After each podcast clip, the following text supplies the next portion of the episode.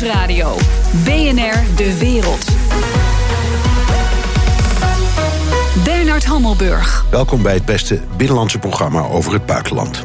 Meer dan twintig landen hebben Russische diplomaten het land uitgezet vanwege de aanslag in Salisbury op een Russische oudspion en zijn dochter. Ook de NAVO en Nederland doen mee, maar waar is het bewijs en wat gaan de Russen doen? Ik praat erover met Frank van Kappen, generaal buitendienst en Eerste Kamerlid voor de VVD. Dag meneer van Kappen. Goedemiddag. Uh, wat vindt u van die grote gezamenlijke actie van bondgenoten tegen Rusland? Ja, ik heb daar een beetje dubbel gevoel over. Want uh, het punt is natuurlijk wel dat er geen overtuigend en verifieerbaar bewijs op dit moment, hard bewijs op tafel ligt. Dat heeft minister Blok, minister Blok ook gezegd. En die zei er is geen smoking gun. Dat is natuurlijk ook zo. En geen mens, maar ook geen land is schuldig als je geen bewijzen hebt. Maar het is wel zo dat er hele sterke aanwijzingen zijn dat het uh, wel iets te maken heeft met Rusland. En dat zit hem in het uh, punt dat dat Novichok, dat gas wat gebruikt is, dat is een binair military grade zenuwgas. Ja, dat maak je niet in, uh, in, een, in een laboratorium ergens in de achtertuin. Daar heb je echt alle ja, middelen voor nodig die alleen maar een staat heeft. En het is alleen maar in Rusland ooit geproduceerd in de jaren zeventig. En ja, wat zijn nou de mogelijkheden? Kijk, als het echt gebruikt is, willens en wetens door Poetin, ja, dat is natuurlijk verschrikkelijk. Dan, dan hebben, we, hebben we echt een probleem. Maar, maar er zijn 140 miljoen Russen. Ja, maar, er zijn, maar als we dus even gaan kijken wat, wat de andere mogelijkheden zijn. Het kan natuurlijk ook zo zijn dat het, dat het gebruikt is zonder dat Poetin het wist. Door een van zijn inlichtingendiensten. Dan is hij dus de controle over zijn inlichtingendiensten kwijt. Dat is ook niet zo'n best scenario. En het andere scenario is dat het gas in, dat dat spul in handen is gevallen van andere partijen. Nou, dat is ook niet zo'n best scenario, want dat betekent dat dat spul, dat levensgevaarlijke spul, dus heel slecht wordt beveiligd. Plus het feit dat ze blijkbaar een niet aangekondigd uh, chemisch, uh, chemisch, uh, chemisch aanvalswapen aan het ontwikkelen zijn, zonder dat, zonder dat ze dat weten. Dat is in strijd met alle internationale afspraken. Ja, uh, u zegt een heleboel fascinerende dingen. Ook u twijfelt eraan ja. of je kan in ieder geval niet Poetin zomaar aanwijzen. Toch is de boodschap, zeker van uh, Theresa May en Boris Johnson... nou, dit kan niet anders dan dat het Kremlin erachter zit. Dat is nog wel, wel wat. Uh, andere landen zeggen de Russen, maar ja, u zegt zelf al, dan weet je niet wie. Um, dus is het nou wel verstandig om uh, zoveel en zo groot. Er zijn nog nooit, het is nog nooit eerder gebeurd dat zoveel diplomaten zijn uit geweest. Ja. Was dat nou wel verstandig? Ik denk het wel. Ik denk dat, het, uh, dat hoe je het ook draait of keert, er is een link naar Rusland toe. Ik heb net die drie scenario's geschetst. Ja. En alle drie de scenario's zijn niet zo best. Dus dat er nee, een heel maar het krachtig... derde scenario is... het kan ook in handen zijn gevallen van... we weten we niet. Ja, uh, maar dan is het zo dat je dus bezig bent met een, met een geheim programma... het ontwikkelen van zenuwgas wat verboden is. Ja. En je, laat, je beveiligt het dan zo slecht... dat het in handen kan vallen van een andere partij. Dat is ja, ook niet zo best. Er is ook nog een heel verhaal dat bij de overgang van de Sovjet-Unie naar Rusland... heel veel wapens, ook chemische wapens, zijn gaan zwerven, zal ik maar zeggen. In handen zijn gevallen van ja. weet ik wat. En de vraag is, hoe erg dat ook is... of je dan kunt zeggen of kunt suggereren dat is toch de schuld van het Kremlin. Nou ja, dat is, dat is het grote vraagteken. En dat is ook de reden dat de OPCW erbij gehaald is. En de OPCW is een redelijk onafhankelijk uh, instituut, waar Rusland ook trouwens lid van is. En het de uitslag van het onderzoek van de OPCW, ik hoop dat dat op, openbaar wordt. En dat ook de Russen daar kennis van kunnen nemen. Dat ze zich daar kunnen, tegen kunnen verdedigen. Want ik heb ook geen echte geloofwaardige verdediging gehoord van de Russen. En de suggestie van uh, de Russische ambassadeur hier, uh, dat de Engelsen dat zelf gedaan hebben, ja, dat is in dezelfde sfeer als dat het World Trade Center, dat het een complot was van de CIA. Dat zijn complotdenken ja. waar ik nog veel minder geloof in hecht. Als Poetin had gezegd, wat vreselijk, en ik weet van niks en ik ga lekker meezoeken, dan was er niks gebeurd. Hè? Er was geen diplomatieke nee, gekomen. Dan was er wel een hele kabaal geweest, maar dan was het niet zo geëscaleerd zoals het nu is geëscaleerd. Want het is blijkbaar wel zo dat wat de Engelsen hebben overlegd, uh, dat dat uh, toch een groot aantal landen overtuigd heeft dat het niet, nog niet bewezen is, maar wel hoogst waarschijnlijk is. Dat op een of andere manier de Russen hier iets mee te de maken Russen, hebben. Ja, dat, ja. goed. Um, u zegt, er komt een onderzoek, er is nu een onderzoek gaande. En, OPCW, ja. ja. En die hebben er echt verstand van. Zou het niet handiger zijn geweest om dat af te wachten, voordat iedereen zo, ik zal maar zeggen, heet gebakend meteen met die enorme maatregelen kwam? Ja, als u het aan mij persoonlijk vraagt, had ik dat gedaan, ja. ja. Had ik eerst het OPCW erbij gehaald. Ja. Ik had nog wel wat inleidende beschietingen gedaan, maar ik had het OPCW erbij gehaald. En naar aanleiding van het onderzoek van de OPCW kan je dan inderdaad uh, alle, alle registers opentrekken. En die openende beschietingen zou kunnen zijn geweest. We denken dat jullie het ja. zijn, maar we, we wachten we op het, het onderzoek. Ja, ja. Dat, dat zou beter zijn geweest. Um, nu, uh, u komt net terug uit Rusland, hè? Ja. ja. Uh, was u al weer terug toen dit allemaal speelde, of was u er nog? Nee, nee, ik was er nog. Ik, uh, toen ik in Rusland was, toen speelde dit natuurlijk allemaal. Ik was daar voor de verkiezingswaarneming namens de OVSE. Ja. En uh, ja, het was heel vervelend, maar tijdens, dat, uh, tijdens dat, die hele verkiezingsaanloop naar de verkiezingen speelde natuurlijk dit hele, dit hele gedoe in Engeland, dat speelde wel degelijk een rol. En hoe reageren, of hoe hebt u de mensen zien reageren? En, en de bredere, of misschien belangrijke vraag: liggen zij en ligt Poetin daar wakker van? Nou, geen enkel land vindt het leuk als je zo in de hoek wordt gezet door zoveel landen in de wereld. Dat, dat, uh, maar wakker liggen, dat zal hij er niet van. Hij zal er niet van wakker liggen. Maar waar hij wel van wakker ligt, dat is dat het feit dat heel veel uh, Russen, ook Poetin, allemaal uh, geld en middelen hebben gestald in het Westen. En want ze vertrouwen blijkbaar hun eigen, eigen land niet. Dus heel veel geld zit in Engeland, er zit in Nederland, er zit in Cyprus, er zit dus in, in, in landen van de West-Europese Unie. En wat de Engelsen dus nu gaan doen, die gaan uh, de Machinsky Act gaan ze kopiëren van, de, van, de, van, de, van de esten en de latten en de letten. En de, ja, dat is eigenlijk het. en dat is dat je dus op, de, op beslag kan leggen op die middelen, op, die, op, die, op die bezittingen en op het geld. En daar liggen ze wel van wakker. Ja. En een ander punt waar ze van wakker liggen is dat bij de uitwijzen van zoveel uh, Russische spionnen, of Rus mensen die voor de Russische inlichtingendienst uh, werken, dat het hele inlichtingennetwerk natuurlijk enorm ontmanteld is. Normaal kan je er niet zo goed bij komen, omdat ze opereren onder de vlag van de ambassade. Maar dit is een gelegenheid waarbij ze dat hele inlichtingenkapitaal ja, kunnen, kunnen vernietigen. Ik, ik, vond, maar ik spreek voor mezelf, dat ook wel heel makkelijk. Dat iedereen, dat was een soort frame, dat iedereen die diplomaten uitzette, ja. zei. Dat zijn inlichtingenmensen, dus spionnen. En dan denk ik, nou, dat, weet je dat nou allemaal ook wel zeker? En is dat allemaal onderzocht? En als het zo is, waarom heb je dan nooit eerder iets ondernomen? Nou, het, het heeft iets heel wonderlijks. En ik heb het gevoel dat ik word geframed. Ja, ik denk niet dat dat zo is. Ik denk dat de meeste landen weten wel uh, wat de medewerkers van de ambassade zijn die, uh, die zich bezighouden met inlichtingen. En dat lijstje, dat hebben ze. Alleen je doet er weinig aan, want ze, ze zijn diplomaten en ze opereren onder de bescherming van de Weense Conventie. En pas bij zo'n gelegenheid zoals zich nu voordoet, dan heb je dus de kans om, dat, om al die lui die op je lijstje staan, om die uit te wijzen. Ja. Dat wil niet zeggen dat ze allemaal betrokken zijn bij, uh, bij inlichtingwerk. Maar ze pakken natuurlijk wel de mensen waarvan ze weten van die zijn bezig met het verzamelen van inlichtingen. Ja. Wat gaan de Russen terug doen, behalve ook een aantal diplomaten? Uh, het land nou, ik denk, dat, uh, ik denk dat de reactie van de Russen fors zal zijn. Maar een van de dingen die ik opgestoken heb toen bij bezoek in Rusland is, ik sprak met een aantal mensen van, uh, die uit de academische wereld komen. En die zeiden van, het is heel bedrieglijk. Jullie kijken naar de kaartjes, ziet dat enorme Russische Rijk. En Europa is een soort van schiereilandje. Maar vergis je niet, er wonen maar 140 miljoen Russen in Rusland. Het oosten van Rusland is ontvolkt en wordt verchineest. En het bruto nationaal product van een land als Nederland is de helft, meer dan de helft van dat van Rusland. Ja.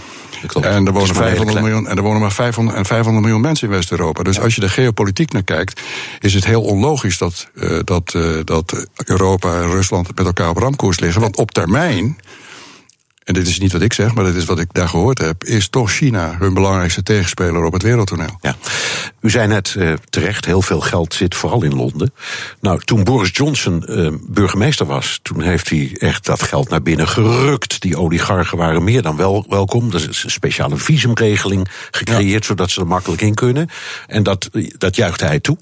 En nu ja. roept hij plotseling die oligarchen spelen een smerige rol en ik zet ze op een lijstje. Dat is ook niet helemaal consequent. Nee, als, als, ik nou Rus was, dan dacht ik, dan ja. zou ik ook zeggen, ja, dat is ook een frame. Nee, hypocrisie is ons ook niet vreemd natuurlijk. En Boris Johnson blijft Boris Johnson. Want het is niet alleen Engeland, maar het is ook Nederland, ook Cyprus en ook andere Europese landen die allemaal al te blij waren met al dat geld wat hier gestald werd. Ja. Ja, en al die uh, postbusfirma's. Ja, al die postbusfirma's. Die, die, vulden daar hun zakken mee. Goed, hypocrisie.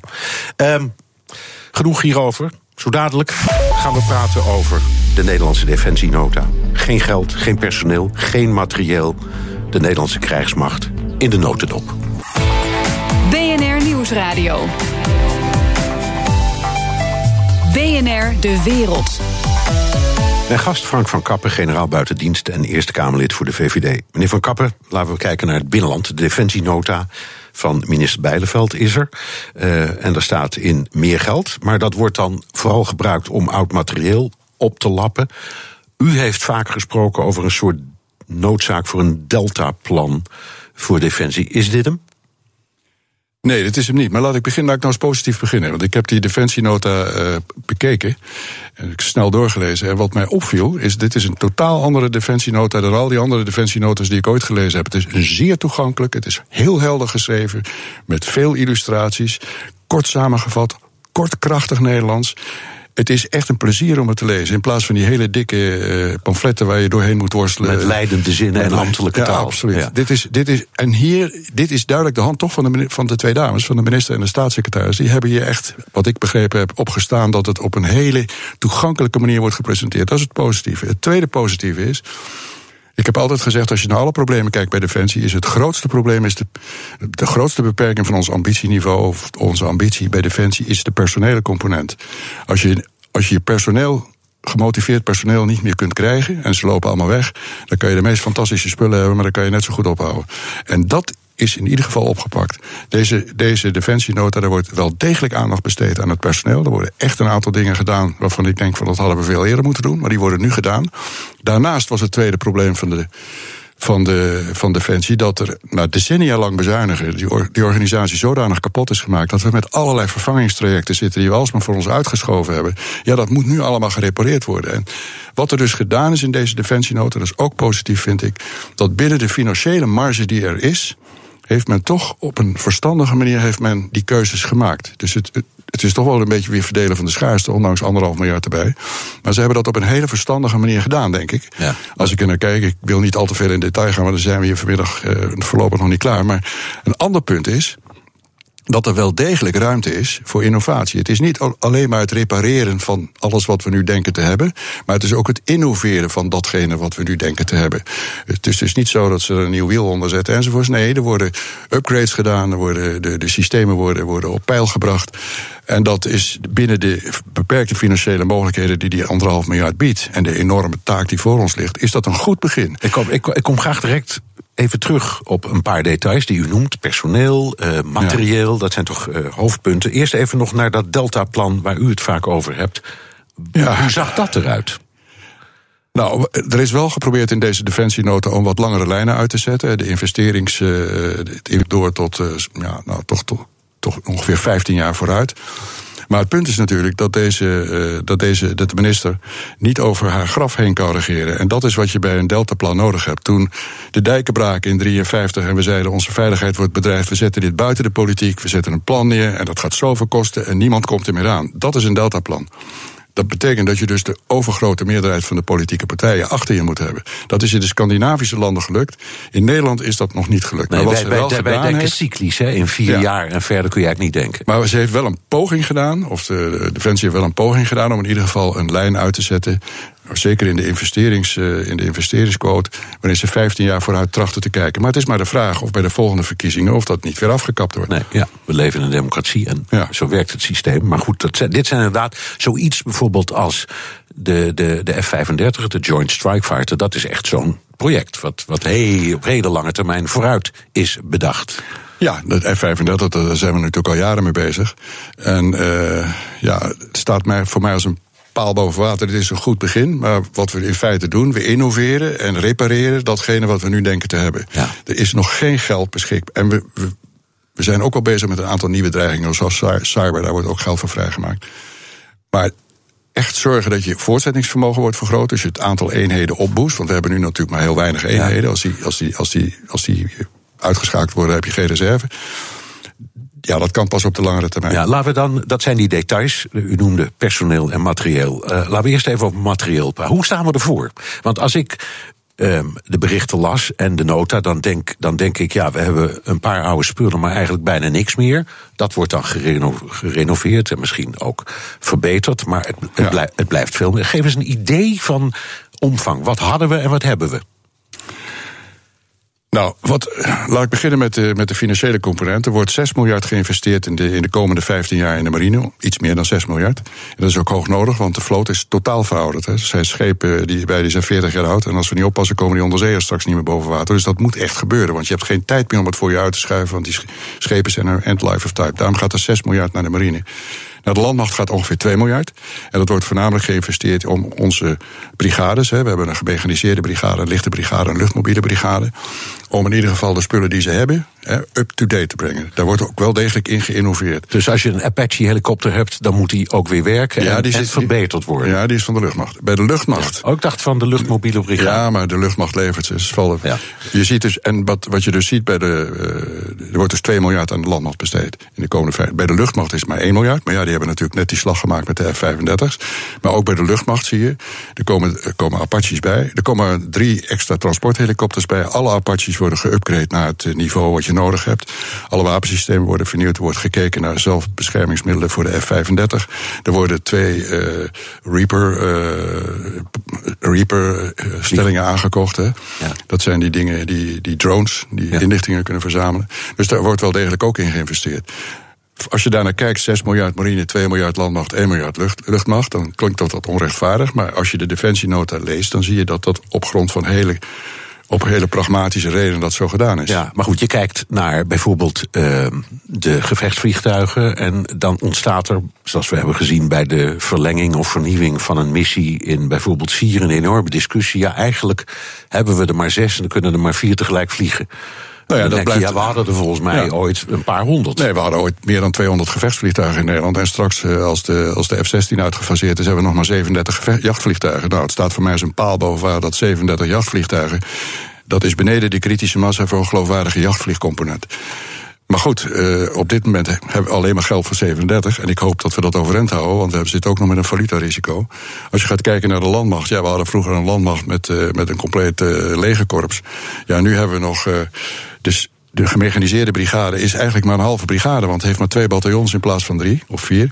En ook de lichte brigade heeft maar twee bataljons. En de voertuigen zijn ja, die, die is belabberd. Maar dat wordt dus aangepakt. Hè. De voertuigen, de, operationele gevechtsvoertuigen, die worden weer op peil gebracht. Maar het blijft natuurlijk allemaal heel mager als je naar de marine kijkt. Vroeger had de marine had 18 vergatten. En nu hebben ze nog maar zes schepen met deze defensienota uh, is uitgevoerd. Het andere detail, personeel. Uh, hoeveel komt defensie tekort? En wat, wat staat erin? Wat, wat zijn de plannen? Nou, Defensie is natuurlijk heel klein geworden. Er is nog maar 55.000 mensen in de Defensie. En uh, ja, daarvan zijn ongeveer 41.000 militairen. En van die 41.000 militairen zijn er 6.000, bijna 6.000 vacatures. Dat is natuurlijk schrikbarend. En dat heeft te maken met een aantrekkende arbeidsmarkt. Het heeft te maken met het feit dat natuurlijk Defensie een hele zware tijd achter de rug heeft. Het heeft te maken met dat personeel zwaar belast is. Omdat, ondanks dat de krijgsmacht op de krijgsmacht werd bezuinigd, dat er steeds weer een extra beroep op die krijgsmacht werd gedaan. Dus er wordt nu in deze defensienota wel degelijk een groot aantal maatregelen genomen om te trachten A, het personeel te behouden, om de instroom te vergroten, de uitstroom te verkleinen en ook om het leven van de militair weer wat plezieriger te maken. Dit alles samen brengt mij tot, tot het probleem van de missies. Als ik die nota goed interpreteer, dan hebben we eigenlijk niet meer capaciteit in manschappen en materieel voor twee missies. Maar we zitten erin veel meer. Als je online kijkt, zie je er een hele trits. Uh, soms zijn dat maar hele kleintjes. Dan doen er zes Nederlanders mee in Zuid-Soedan en één in Libië en vier in de Verenigde Arabische Emiraten. Ja. Is het niet zo dat we als Nederland traditioneel een beetje chic wil doen en zoveel mogelijk wil zeggen: wij doen mee aan alle mogelijke missies. Dat je veel verstandiger zou moeten zijn en moet zeggen: als we maar ruimte hebben voor twee, dan doen we er twee, die doen we dan ook heel goed. Nou ja, kijk, als je naar al die missies kijkt, dan moet je je inderdaad realiseren: een aantal van die missies zijn twee of drie stafofficieren. Dus dat ja. Voor grote missies hebben we eigenlijk maar uh, het, vermogen, als we het praten over landoperaties, om uh, voor, een, voor een korte periode kunnen we een, brigade inzetten. En voor een, voor, voor een wat langere periode kan je eigenlijk niet meer inzetten dan een bataljon. En dat is natuurlijk heel mager. Bij de marine is het hetzelfde. Je kan dus voor een korte periode kan je een taakgroep inzetten van vijf schepen. Maar voor een wat langere periode kan je eigenlijk maar twee oppervlakteschepen uh. En als je dan zegt. bij de luchtmacht blijft het bij. Als okay. zullen, we, zullen we blij moeten zijn als we vier vliegtuigen kunnen leveren. Ja, dus als je zegt we doen een missie, dan moet je zeggen, nou dan doen we er één ergens, uh, weet ik wat, in Syrië. En we doen er één in Somalië en dat is hem dan. En dan moeten we ook niet net doen alsof wij. Dus maken we ons. De vraag was: maken we ons ook tegenover het buitenland niet groter dan we kunnen waarmaken? Nou, wij scoren in ieder geval bij het buitenland wel dat we met een betrekkelijk kleine krijgsmacht heel veel verzetten. De output van de Nederlandse krijgsmacht is behoorlijk hoog en die wordt ook erg gewaardeerd. En dat is iets waar we waar we best trots op mogen zijn. Maar het heeft natuurlijk wel een enorme wissel getrokken op het personeel en op het materieel. Ja. En je ziet dus nu dat we ook door de dreiging vanuit het oosten, dat we dus nu ook permanent voorwaarts ontplooid zijn. Hè, dat we permanent troepen hebben in de Baltische Staten. Dat we ook moeten bijdragen aan de, aan de, aan de VJTF, dat is die heel snel inzetbare uh, krijgsmacht. Tegelijkertijd probeer je ook je VN. Uh, verantwoordelijkheden, verplichtingen na te komen, zoals in Mali.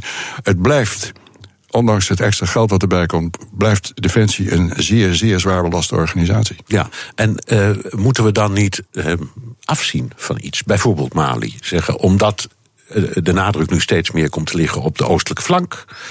de relatie met Rusland, de gevaren die ons daar vandaan bedreigen, dan moet je maar iets afbouwen. Zou dat niet veel verstandiger zijn? Nou, er zijn er mensen die daarvoor zijn, die zeggen van je moet eigenlijk veel minder gaan doen. En wat je doet, moet je heel goed doen. Juist. En daarmee moet je de druk op die krijgsmacht verlichten. Er zijn anderen die zeggen van ja, wacht nou eens even. Uh, dat gaan we toch niet zo 1, 2, 3 beslissen. Daar heb je altijd nog een regering voor die, daar, die dat moet wegen. Hè? En daar hebben we die regering voor. En daarna heb je een parlement wat daar nog een keer een uitspraak over moet doen. Ja. Het is vaak zo dat de besluitvorming over de inzet van defensiemiddelen is een, is een complex proces. De regering, maar ook het parlement bepalen in feite waar je naartoe gaat. En of je, of je er naartoe gaat. Ja, maar in het parlement. En politiek dus, is het maar daar niet over eens. Er zijn dus mensen die zeggen: ja, je moet wat minder doen. En er zijn andere mensen die zeggen, nou, dat valt allemaal wel mee hoor. We zitten ongeveer, uh, we moeten niet meer gaan doen, maar we zitten wel ongeveer aan de tax die we nu hebben. En daar moeten we wel vol blijven houden. Dus daar zitten ook politieke verschillen in over die inzet van die krijgsmacht. En u kunt bijvoorbeeld, u bent niet de enige in het parlement met de kennis en de achtergrond, er zijn er meer. Maar u en uw collega's hebben niet voldoende invloed om te zeggen: wij kunnen regering en onze collega's wat beter sturen in dit geheel. Nou, dat vind ik een hele lastige vraag. Ik denk dat, ik denk dat, er, uh, dat het politieke primaat ligt natuurlijk in de Tweede Kamer, niet in de Eerste Kamer. En ik denk dat de collega's in de Tweede Kamer, de defensiespecialisten, dat die echt hun best doen om dat op een zo goed mogelijke manier te doen. Maar zij bepalen het niet, ze controleren de regering, maar ze hebben wel een hele belangrijke stem. Als de, als de Kamer nee zegt, zeker als het om niet artikel 5 operaties gaat, hè, dus geen grote gevechtsacties tegen Rusland of zo, maar het gaat om operaties ter handhaving van de internationale rechtsorde, dan heb je de artikel 100 procedure, dan heeft natuurlijk het behoorlijke invloed. Maar ook niet alle defensiespecialisten in de Tweede Kamer zitten op één lijn. Op dit, uh... Laatste vraag, heel kort. Defensiebegroting gaat omhoog. Er hebben een heleboel mensen, u andere, onder andere u zelf voor gepleit. Moet er een bloemetje naar Trump? of naar Poetin. Oké. Dank, Frank van Kappen, generaal buitendienst en Eerste Kamerlid voor de VVD. BNR Nieuwsradio. BNR De Wereld. Het is officieel nog een jaar tot de brexit. En zelfs als er een goede deal komt, staat er veel op het spel voor Nederlandse bedrijven. De Britten zijn namelijk onze derde handelspartner. Europa-verslaggever Laurens Groeneveld is in Den Haag bij het Brexit-forum... waar bedrijven worden bijgepraat over de gevolgen van brexit. Laurens, je hebt gesproken met minister Kaag van Internationale Handel. Ziet zij nog grote problemen voor onze ondernemers? Nou, Sigrid Kaag die zegt, um, we zitten met z'n allen in een lerende fase. En um, ze wil laten zien dat uh, de overheid de bedrijven daarin steunt. Dus ze heeft zojuist aangekondigd dat er een, een pot vrijkomt met uh, geld voor bedrijven die um, die pot kunnen aanspreken om dan onafhankelijk onderzoek en hulp te zoeken om te kijken hoe een bedrijf dan precies geraakt wordt door die brexit en welke stappen ze moeten ondernemen. En welke stappen zijn dat? Wat moeten die bedrijven dan doen?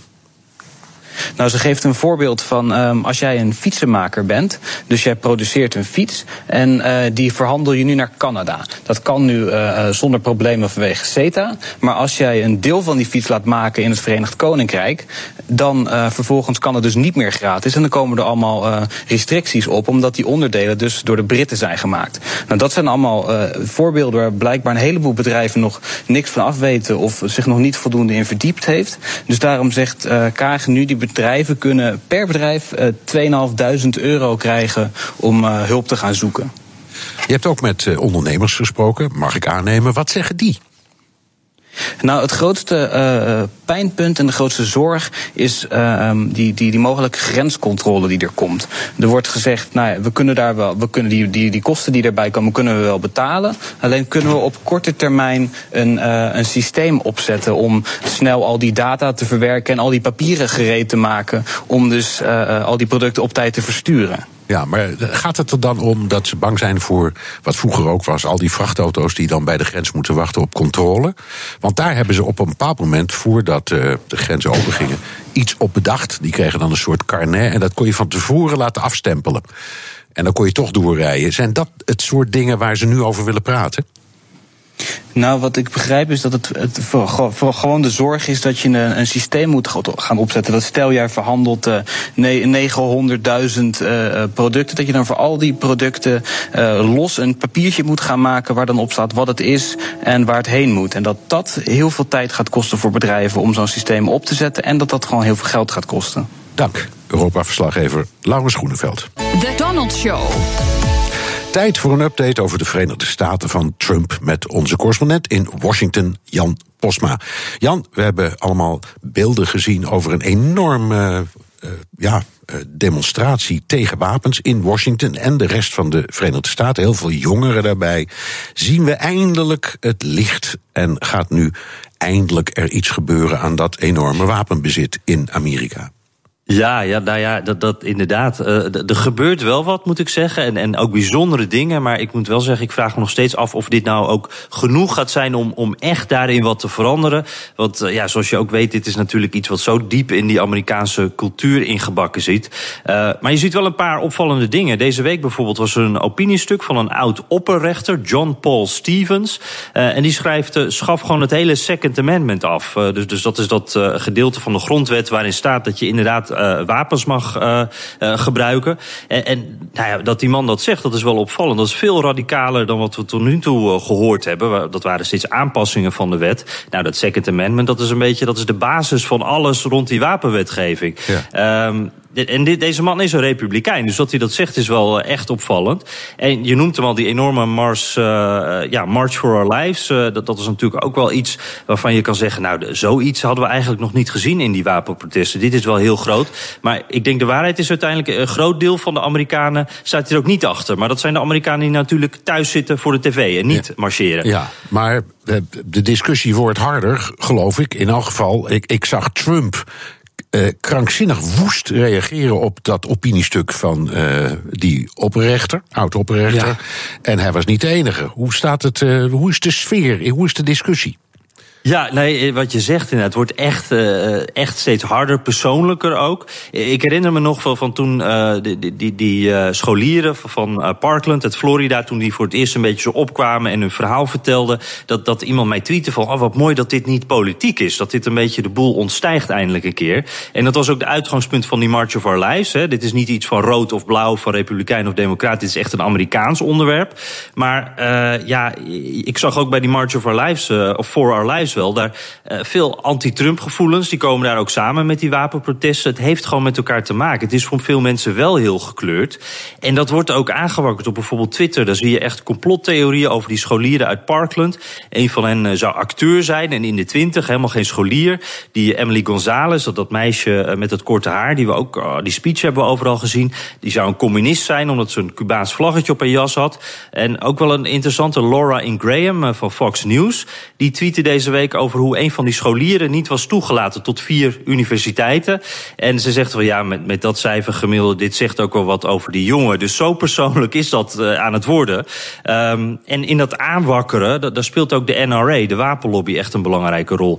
Um, dit is een filmpje van de NRA en eerst hoor je een van de boegbeelden van die March for Our Lives, die eigenlijk vrij hard zegt, die politici, die politici die zijn de bitch van de NRA, zit in de zak van de NRA. En hoor je de reactie van een van de presentatoren van uh, NRA TV. What if our politicians weren't the bitch of the NRA? What if we didn't exploit the trauma of kids to push a political agenda?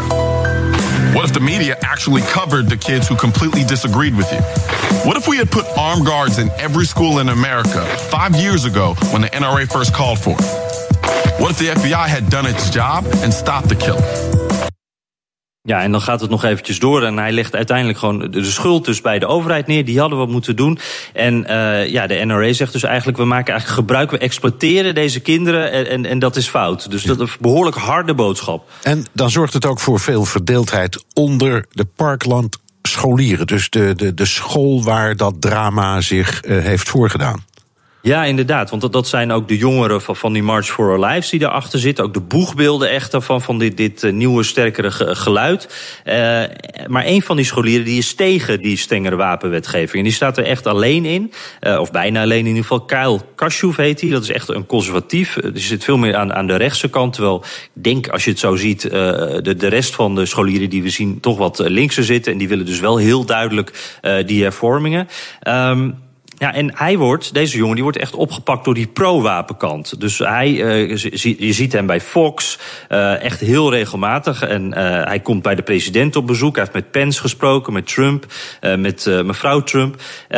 maar via de media vecht hij inmiddels ook een soort oorlog uit met zijn leeftijdsgenoten. En dat oorlogje, dat, dat, ja, het is een soort kopie geworden eigenlijk van hoe republikeinen en democraten met elkaar omgaan. Zo gaan ook deze scholieren van die school, die dus eerst niet zo politiek waren en vooral een gezamenlijk doel hadden die staan nu ook tegenover elkaar. En het is een soort schoolpleinruzie in die Amerikaanse media geworden. Ja, even toch nog maar, want we blijven moeite hebben om het te begrijpen. Wat zijn er de belangrijkste argumenten die Amerikanen hebben tegen strenge wapenwetten?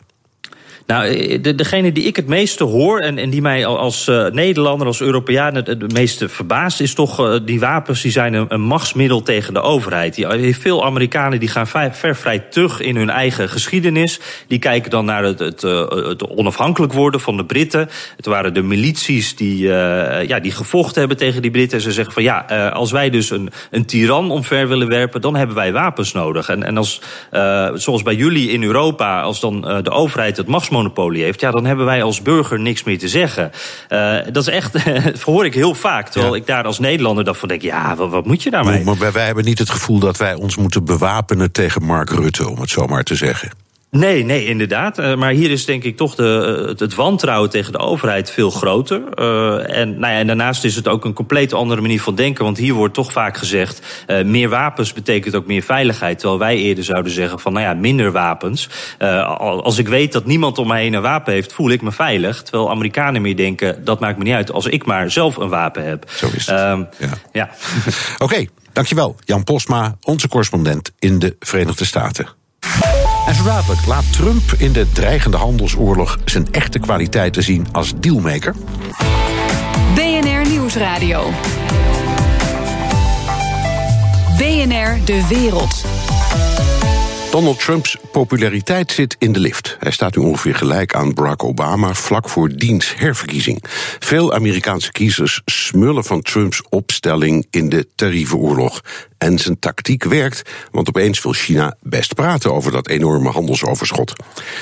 Zien we hier dan eindelijk de Donald als dealmaker opstaan? Ik praat erover met Koen Petersen, Amerika-watcher en schrijver van de boeken Eindtoel Witte Huis en Showtime.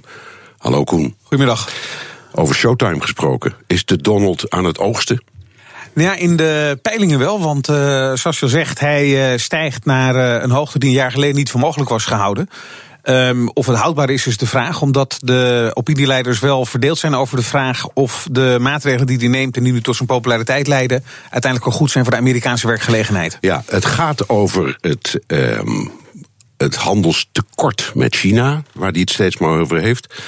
Europa lijkt ook te zwichten voor die redenering. Hoe verklaar je dat uh, de landen nu plotseling naar de onderhandelingstafel stappen? Nou ja, ik denk dat het uh, twee redenen heeft. Eén, um, de uh, handelstekorten die Amerika heeft, die zijn significant. het zit nu tegen de 600 miljard. Wat hoger is dan ooit sinds 2008, afgelopen tien en, jaar. En hoeveel daarvan is China? Dat is ongeveer de helft. Ja. Dus dat is best wel ook een heel groot, uh, heel groot deel. En Trump heeft hier uh, campagne meegevoerd en is hier veel taaier in dan op andere standpunten. Ja, dus hij praat hier ook al 40 jaar over. Dat, hij praat er al 40 jaar ja. over. En de, de, de achterban die hem aan de overwinning heeft geholpen, dus mensen die normaal niet republikeins stemmen en nu wel, die zitten precies in die staten van de uh, ja. oude staalindustrie met de auto's en de, de, ja, de Pennsylvania mijnen, en Michigan. Staalfabrieken. Ja. Uh, ja, en voor die mensen is dit uh, koren op de molen. Een politicus die zegt wat ze willen horen en ook nog eens een keer doet wat hij zegt. Dat Ja. zorgt voor stijging in de peilingen, maar wel voor onrust bij anderen. Ja. Maar Amerika is een significante partner nog steeds voor de EU en China. Dus ook wel een uh, partij met wie je moet praten als die aangeeft dat ze op een andere manier niet verder willen. Nee, hij is niet de eerste Amerikaanse president die over deze kwestie praat. Over tarieven of over de valse manier waarop uh, de Chinezen omgaan met hun valuta. Allemaal van dat soort klachten. In welk opzicht pakt hij het nou anders aan? Ja, wat Trump uh, anders doet, is dat hij met het mes op tafel aangeeft: die tarieven gaan in op die datum, tenzij er een betere deal komt. Die historie van die uh, discussie rond die tarieven loopt al terug sinds de tijd van Lyndon Johnson. Dan praat je over het begin van de jaren 60, dus ruim 50 jaar terug. De meeste presidenten hebben gekozen voor een volume cap. Dus er mag niet meer dan zoveel staal worden geïmporteerd. Bush heeft in zijn periode ook nog wel een tarief op tafel uh, gelegd. Maar toen de tegenmaatregelen de staten raakten waar hij zijn herverkiezing moest realiseren, heeft hij die tarieven weer razendsnel ingetrokken. maar Trump lijkt de beweging te genereren. En dat is wel interessant om te zien. Ja, ik, anders. ik herinner me nou ook plotseling dat Bill Clinton in een discussie daarover met het congres ooit zei: Ik zou best willen. Maar als ik doorzet, ben ik de verliezer. Want we zijn meer afhankelijk van China dan andersom. Dus we moeten, ik moet maar afdruipen. Dat was eigenlijk een, een soort ja, verklaring die die ja, aflegt. Ja, dat klopt. En daar zie je dus ook dat ook de vakbeweging heel erg verdeeld is over dit, uh, over dit punt. De vakbonden die echt voor die staalindustrie staan, die juichen dit toe. Uh, maar de vakbonden die in industrieën werken waar staal wordt gebruikt als belangrijk uh, ingrediënt. Uh, die vrezen dat de kostprijs van hun producten omhoog gaat en dat ze daarmee hun competitief voordeel uh, kwijtraken. Dus ook de bonden en de linkse achterban zijn niet unaniem over uh, wat Trump nu aan het doen is. Nee, nou begon hij zoals hij, dat zijn we inmiddels gewend, te schieten uit de heup. Hè. Hij begint altijd eerst met een, nou ja, hij schiet met hagel en zegt dus we beginnen een handelsoorlog met iedereen. Daar kwam het op neer. ook met Europa. Na een tijdje, toen Europa zei: ja, maar dan komen we tegenmaatregelen en kijk, pas nou op wat je doet. Toen zei zijn eigen handelsonderhandelaar: Nou, Europa valt er buiten. En vervolgens zei Trump weer: Ja, nee, maar dat is niet waar. Europa uh, wordt toch uh, getroffen, alleen ze hebben uitstel. Gaat het niet uiteindelijk gewoon alleen maar om China? Nou ja, het gaat om uh, meer partijen, maar China en Zuidoost-Azië zijn wel belangrijke partners. Hij heeft nu net een deal met Zuid-Korea gesloten, die ook weer gaat over auto's en staal. Uh, waar hij uh, erg blij mee is. En wat je ziet is dat er eigenlijk niet echt een heel erg nieuw handelsbeleid ontstaat. Uh, maar toch vooral op bestaande handelsovereenkomsten wordt, wordt geschoten. Wat Bush deed, de jonge Bush, was toch nog steun krijgen van het congres om te gaan onderhandelen over die tarieven. Trump laat het congres links liggen. En uh, valt die deals aan. En dan zie je opeens dat toch onder die dreiging NAFTA wordt heronderhandeld. Uh, ja, as met, we speak. Met uh, Mexico. Met en, Mexico en Canada. en, Canada. Je ziet nu dat de EU onderhandelingen is gestart om te voorkomen dat per 1 mei toch die tarieven ingaan. Uh, met China uh, zijn de gesprekken gestart. Met Zuid-Korea is een deal gesloten. Dus het lijkt er wel op dat Trump wat teweeg gaat brengen. Wat de effecten daarvan zijn, is de vraag. Maar hij krijgt wel beweging in uh, zaken die de afgelopen jaren stil hebben gelegen. Ja, nou ik, ik stel de vragen over Europa omdat. Mijn indruk is dat hij eigenlijk niet zoveel twist heeft met Europa. Ja, het gaat een beetje over Duitse auto's en er zijn misschien nog wel wat details. Maar er is niet echt sprake van een groot conflict met Europa. Um, en bovendien is mijn indruk ook dat Europa het wat China betreft wel met hem eens is. Dus zouden we niet kunnen verwachten dat uiteindelijk het zo wordt dat Amerika tegen Europa zegt: laten we een deal maken met elkaar en samen optrekken tegen de barbaar China. Ja, dat zou, eh, dat zou kunnen. Wat wel een bijeffect is, is dat uh, het beleid van Trump ook heel ontregelend werkt voor de Wereldhandelsorganisatie. En dat is natuurlijk wel een organisatie waar Europa ook grote belangen heeft. Het is in feite een verdrag van 164 landen die op consensusbasis afspraken maken met elkaar.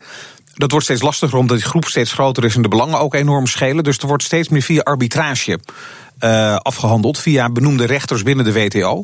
En wat Trump ook nu doet om uh, dat proces te dwarsbomen, is uh, de WTO-rechtersbenoemingen uh, tegenhouden. Zodat ook dat hele proces spaak loopt. En dat is iets waar Europa geen baat bij heeft. Nee, hij doet nog wat met die WTO. Hij noemt dit in Amerika een kwestie van nationale veiligheid.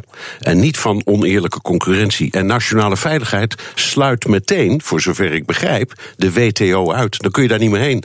Want dat is een soort rode kaart. Als je dat roept, dan mag de WTO niet meer meedoen. Slim gedaan, toch? Ja, dat klopt. En je ziet dus dat hij vooral heel disruptief bezig is. Met als uiteindelijk doel om deals te sluiten met uh, landen of handelspartners uh, die beter zijn dan de huidige deals. Daar kan hij dan ook straks mee terug naar uh, de kiezers. En als het de werkgelegenheid niet raakt of stimuleert, dan is de kans dat hij wordt herkozen heel groot. En het lijkt dat hij daar meer op uit is dan op een coherent nieuw handelsbeleid voor komende generaties. Ik, ik laat je dat nog een keer duidelijk zeggen. Jij denkt de redelijke kans dat Donald Trump wordt herkozen. Ja, dat denk ik wel. Omdat je ziet dat de Republikeinse achterban vierkant achter hem staat. Dat is wel een significante minderheid, zo'n zo'n 40% van de, van de kiezers. En die kiezers die normaal gesproken democratisch stemmen, maar nu op Trump hebben gestemd omdat ze Clinton te elitair vonden, ja, die zien hun gelijk wel bevestigd. En het interessante wat je dan nog krijgt is of zo'n vraag hè, rond de affaire met zo'n pornoster uh, nog roet in het eten kan gooien. Maar daar zie je dat Amerikanen toch onderscheid maken tussen aan de ene kant persoonlijk gedrag en aan de andere kant uh, de groei van de werkgelegenheid. Zo heeft Bill Clinton ook afscheid kunnen nemen als heel populair president, ondanks alle schandalen. Omdat de Amerikanen achter hem bleven staan omdat het met de werkgelegenheid zo goed ging. En hetzelfde lijkt je nu bij Trump. It's the economy stupid. Het is the economy stupid. Het is een oude wet die uh, nog steeds van toepassing lijkt. Ja, en hier heeft gelijk nog even terug naar. Um, zijn argument van het gaat om nationale veiligheid. Um, dat gaat over uh, intellectueel eigendom. En ook weer, voor zover ik het begrijp, een klacht die Europa en Amerika hebben. Je hebt allemaal joint ventures met Chinese bedrijven. Of Chinese bedrijven kopen Europese of Amerikaanse bedrijven. Of andersom. Maar waar het de Chinezen om te doen is, is om de geheimen van die westerse bedrijven. En klaarblijkelijk raakt hij daar ook een snaar die hier in Europa, in Brussel, ook trilt. Ja, kijk, China is natuurlijk een ongelooflijk belangrijke markt met anderhalf miljard consumenten die ook nog eens een keer een enorme ontwikkelingsruimte hebben. En als je bedrijven in uh, China wilt, uh, wilt samenwerken, dan nemen de Chinezen altijd de meerderheid daarin. Je ziet dus ook dat het, het, het aandeel van China in patenten bijvoorbeeld ongelooflijk is gegroeid, met name ten koste van Europa en de Verenigde Staten. En dat zit ook heel vaak meer in die uh, technologiehoek. Vroeger was China vooral voor de grote volumes. Ja, maar, nu, maar, maar nu, schijnen, nu schijnen ze, begrijp ik uit uh, uh, verhalen die ik op BNR hoorde, dat ze op het gebied van kunstmatige intelligentie ver voor liggen zelfs. En dat zou het gevolg zijn van pikken, jatten, je noemt het maar zoals je het noemen. Ja, het zijn twee factoren. Enerzijds is het dat. Anderzijds is het ook nog het open beleid dat Amerikaanse topuniversiteiten hebben om kinderen van uh, Chinezen die het kunnen betalen ook uh, college te geven en onderzoek te laten doen. Dus uh, je voedt zowel het intellectual capital aan de Amerikaanse universiteiten, wat uiteindelijk ook weer als een boemerang in je gezicht kan terechtkomen. En ook nog met die handelsconstructies. En wat Trump in China heeft gedaan toen het eind vorig jaar was, is ook de discussie gestart dat dat anders moet. En ook daar lijkt China te bewegen, hoewel niet helemaal duidelijk is wat nu de status is van die onderhandelingen. Ja, er staan twee dingen tegenover elkaar. Een open uh, maatschappij zoals de Amerikaanse en ook de meeste Europese landen. Die zeggen iedereen is welkom, iedereen mag hier studeren. Onze universiteiten zijn zelfs tegenwoordig helemaal in het Engels, juist daarom. En aan de andere kant het gevaar dat je je nationale veiligheid uh, uh, ja, bedreigt. Dus hoe los je dat dan op? Nou ja, je kunt wel uh, bepaalde groepen uitsluiten. Hè. Bijvoorbeeld de uh, studenten uit Iran, daar geldt een enorme restrictie op, omdat de sancties met betrekking tot uh, meewerking van Iran aan terreur nog steeds van toepassing zijn. Toen de Iran-deal er nog niet was, konden ook nog groepen Iraniërs worden uitgesloten op basis van de nucleaire sancties die, die golden. Dus je kunt dat wel doen, maar het is een heel complex proces, omdat onderliggend het fundamentele gedachtegoed is dat universiteiten vrij toegankelijk zijn voor iedereen en vrijhandel ook echt vrijhandel betekent. En dit is ook een punt waar Trump in conflict is met de Republikeinen in het congres. Daar zie je bijvoorbeeld dat Paul Ryan, de, de, de voorzitter van het Huis van Afgevaardigden, een van de machtigste Republikeinen daar in het parlement, uh, een groot voorstander is van vrijhandel. Uh, uiteindelijk wel moet meebuigen met Trump, omdat Trump hier niet bereid is om concessies te doen, maar dat met grote moeite doet en ook met uh, angst de kiezers tegemoet kan zien in zijn eigen district, die hem juist altijd hebben gewaardeerd omdat hij zo voor vrijhandel is. Ja, en, en in zijn eigen staat wordt hij dan getroffen door tegenmaatregelen, misschien van de Europeanen, maar misschien ook van de Chinezen. Laten we het daar nog even over hebben. Want China is een machtig land. Wat gaat China doen? Ze zijn tot nu toe heel terughoudend. En tegenover de, weet ik wat, 60 miljard aan Amerikaanse maatregelen hebben zij 3 miljard aan tegenmaatregelen. Uh, gezet. Dus duidelijk een signaal van wij, we were taking it easy. Maar wat is hun beleid? Ja, ik denk dat het grote verschil is dat Trump uit is op korte termijn successen. Want over twee jaar moet hij worden herkozen. Terwijl de Chinese president juist is uh, benoemd voor het leven. Dus die heeft ook in lijn met uh, tradities in China een veel langere termijn in, uh, in gedachten. En mijn verwachting is dat China korte termijn concessies zal doen om de motor te laten draaien. Maar tegelijkertijd langere termijn wel die hele industrie in China gaat opbouwen op een manier die zo overweldigend zal zijn. Dat het toch een serieuze concurrent voor de Verenigde Staten wordt. Zoals ook wordt verwacht dat China uh, op afzienbare termijn qua nationale economie groter zal worden dan de Verenigde Staten. Met nog een enorm groeipotentieel als die achterlanden die minder ontwikkeld zijn ook nog tot bloei gaan, uh, gaan komen. Dus China zit erin voor, uh, voor de lange termijn, Trump voor de kortere termijn. En ik denk dat je daar de uitruil gaat zien. Dat Trump bereid zal zijn om oogluikend toe te staan dat China door zal groeien, ook omdat er een bepaalde onvermijdelijkheid in zit. En dat China hem rustig houdt met wat korte termijn concessies die ze zich kunnen veroorloven. Ja, maar ik, ik denk aan één voorbeeld. Eh, China koopt uh, enorm veel uh, vliegtuigen van Boeing. Ik kan me voorstellen dat de Chinezen zeggen: we draaien de laatste order van weet ik veel hoeveel honderd toestellen even terug. Dan heb je echt een probleem, want er zijn tienduizenden Amerikaanse uh, werknemers door getroffen. Ja, dat geeft Trump wel weer electoraal gezien enige ruimte, omdat Boeing weer zit in een staat die niet op Trump heeft gestemd. Ja, hij zit door het hele land. Maar als je door het hele land kijkt, ja. dan, dan, dan uh, is daar wel signaalwerking van. Ook omdat Boeing natuurlijk een groot, uh, groot bedrijf is. Maar dat is het spel dat zal worden gespeeld. Vooralsnog lijken de Chinezen bereid om uh, te praten. Die gesprekken vinden ook plaats nu in Washington. Uh, met het ministerie van Financiën en het ministerie van, uh, van Handel. Um, wat de status is daarvan uh, wordt nog niet naar buiten gebracht. Maar ze zijn wel in gesprek. En dat zal snelle escalatie, denk ik, voorkomen. Zolang die gesprekken door, doorgaan en perspectief bieden. Ja, nu komt het onderwerp handelsoorlog van tijd tot tijd. Om wat voor reden dan ook boven. Ik herinner me een handelsoorlog tussen Frankrijk en de Verenigde Staten. Toen de Golfoorlog begon en de Fransen niet mee wilden doen.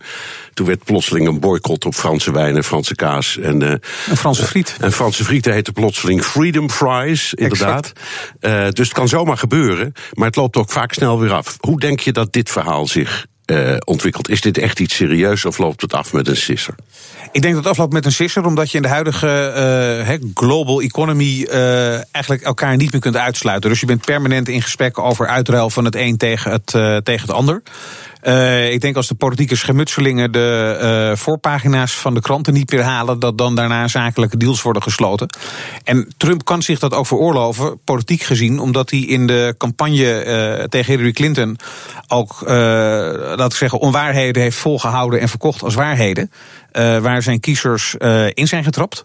Dus in dat opzicht uh, kan hij afstand nemen van de waarheid en toch zijn kiezers mobiliseren, omdat hij heeft gezien dat dat werkt. Het is treurig, maar politiek gezien wel uh, een realiteit gebleken. Alternatieve waarheid. Dank. Koen Petersen, Amerika-watcher en schrijver van de boeken Einddoel Witte Huis en Showtime. En tot zover BNR De Wereld. U kunt de uitzending terugluisteren via de podcast of bnr.nl. Mijn naam is Bernard Hammelburg. Dank voor het luisteren. Tot volgende week.